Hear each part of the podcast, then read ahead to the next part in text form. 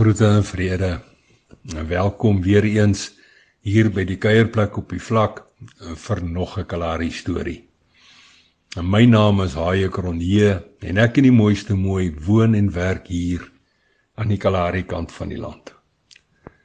Die 10de versie van Filippense 2, en dis nou as jy hom in die 2020 Afrikaanse vertaling lees, bepaal daarom het God hom ook uitermate verhoog en aan hom die naam geskenk wat bo elke naam is.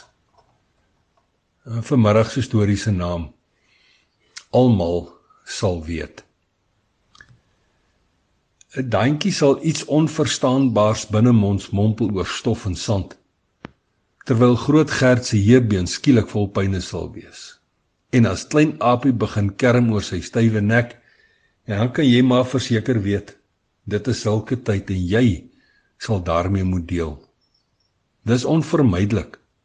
So onvermydelik soos 'n kollekte bordjie tydens 'n erediens of die klank van 'n kerkklok op 'n Sondagoggend.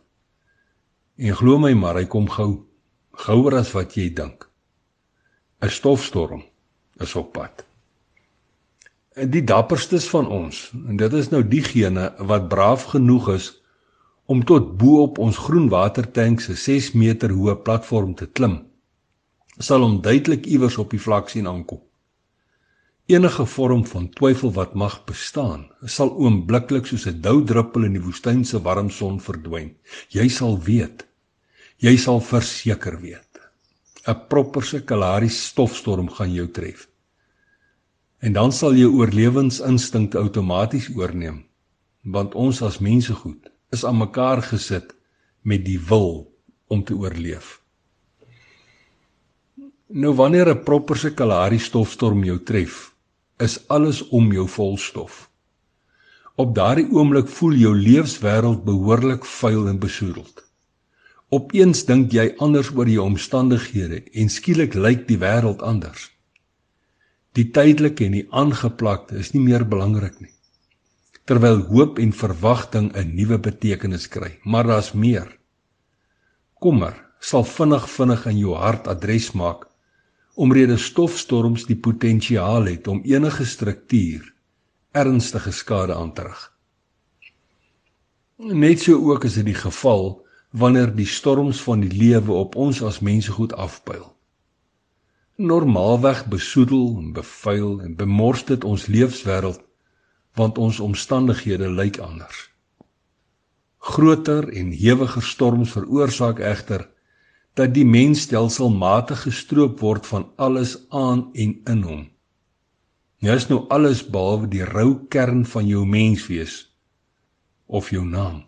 Nie jou noemnaam nie, maar eerder jou naam soos dit omskryf is in jou gesindheid, jou karakter en jou reputasie. En aan daardie naam sal jy geken en onthou word, want almal sal weet. Dis wat met Job van ouds gebeur het.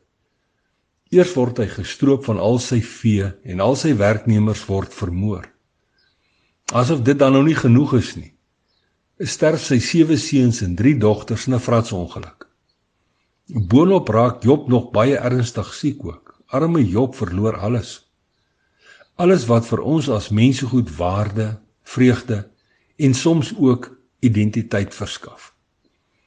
Die man verloor sy bates, sy nageslag, sy gesondheid En terwyl sy vriende wat met hulle beste intensies en pogings daar was, deed hom versaak. Hierdie arme mens beleef tragedie op tragedie, skok op skok en terugslag op terugslag. Die rou kern van Job se wese word tot aanskoue van die ganse wêreld ontbloot by wyse van een lewensstorm wat op die ander volg. Op daardie stadium van sy lewe het Job slegs 'n naam, sy naam gehad. Sy naam soos dit omskryf en vervat is in sy gesindheid, sy karakter en natuurlik sy reputasie. Jesus, alhoewel hy self God was, het hy nie aan sy goddelikheid vasgeklou nie. Hy het dit opgegee om aan die mensdom gelyk te word Die grootste lewensstorm wat hy as God se kerelkind ooit op aarde moes trotseer, was om tot die dood toe gehoorsaam aan die Vader te wees. Nie net het hy hierdeur die som totaal van alle mense goed se sonde las gedra en betaal nie. Sy Vader het hom vir 'n ruk lank verlaat. Jesus was letterlik en figuurlik gestroop van alles. Hy was gestroop van alles behalwe daardie naam wat God aan hom gegee het.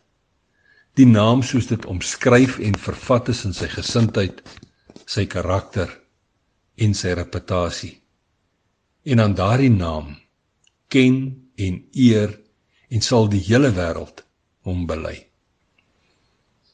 Lewensstorms is onvermydelik.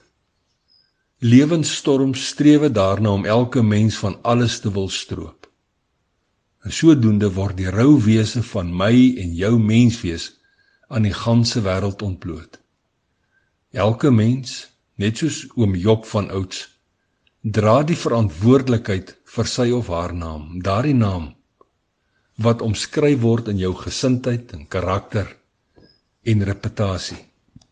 'n Naam wat waardeloos en nutteloos sal wees as ons nie daagliks daarna strewe om gehoorsaam aan die Skepper God te wees nie.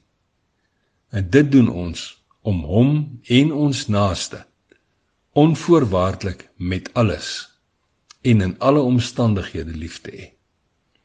En nou ja toe. Tot 'n volgende keer. Los mooi spore in Sandkorrelbaai seëninge.